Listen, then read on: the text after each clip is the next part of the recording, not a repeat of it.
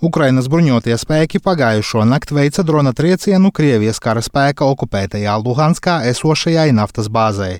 Tā ir sadegusi, neizturēja bezpilota lidaparāta uzbrukumu. Pat okupantu pretgaisa aizsardzības spēki to nefiksēja. Vietnē Telegram paziņoja Luhanskas apgabala administrācijas vadītājs Arčuns Lisogors. Viņš arī dzen atzīmēja, ka naftas bāzes teritorijā bija dzirdams skaļš sprādziens, kas izraisīja plašu ugunsgrēku. Iebrucēji arvien vairāk saprot, Viņiem ir bīstami atrasties vai kaut ko glabāt pat dziļā aizmugurē, jo arī tur ir Ukrainas bruņotie spēki, uzsvēra Lisogors. Tāpat Luhanskas apgabala administrācijas vadītājs piebilda, ka bezpilota lidaparāts deva triecienu tā dēvētās Luhanskas Tautas Republikas naftas sirdī. Ar līdzīga rakstura metaforu triecienu naftas bāzei komentēja militārais analītiķis un atvaļinātais Ukrainas bruņoto spēku pulkvedis Romāns Svitans. Topливо – это кровь любой армии. Без... Degviela ir jebkuras armijas asinis. Bez degvielas armija izžūst un nevar kustēties, un Krievijas armija parasti sāk bēgt, jo nepietiekamais munīcijas daudzums liek viņiem diezgan ātri atkāpties.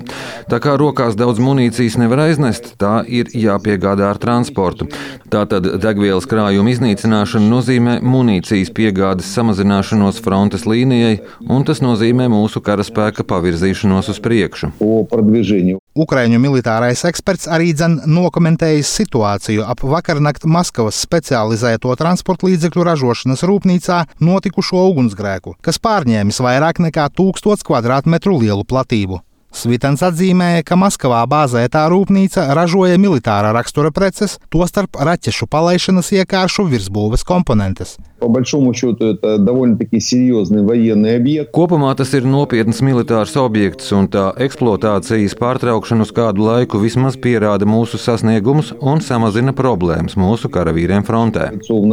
Svitens arī piebilda, ka ugunsgrēku Maskavas rūpnīcā visticamāk sarīkoja kāda no Krievijā dzīvojošo mazākumtautību pretošanās kustībām, kuras pārstāvji sadarbojas ar Ukrainas aizstāvjiem. Rustam Šukurovs, Latvijas Rādio.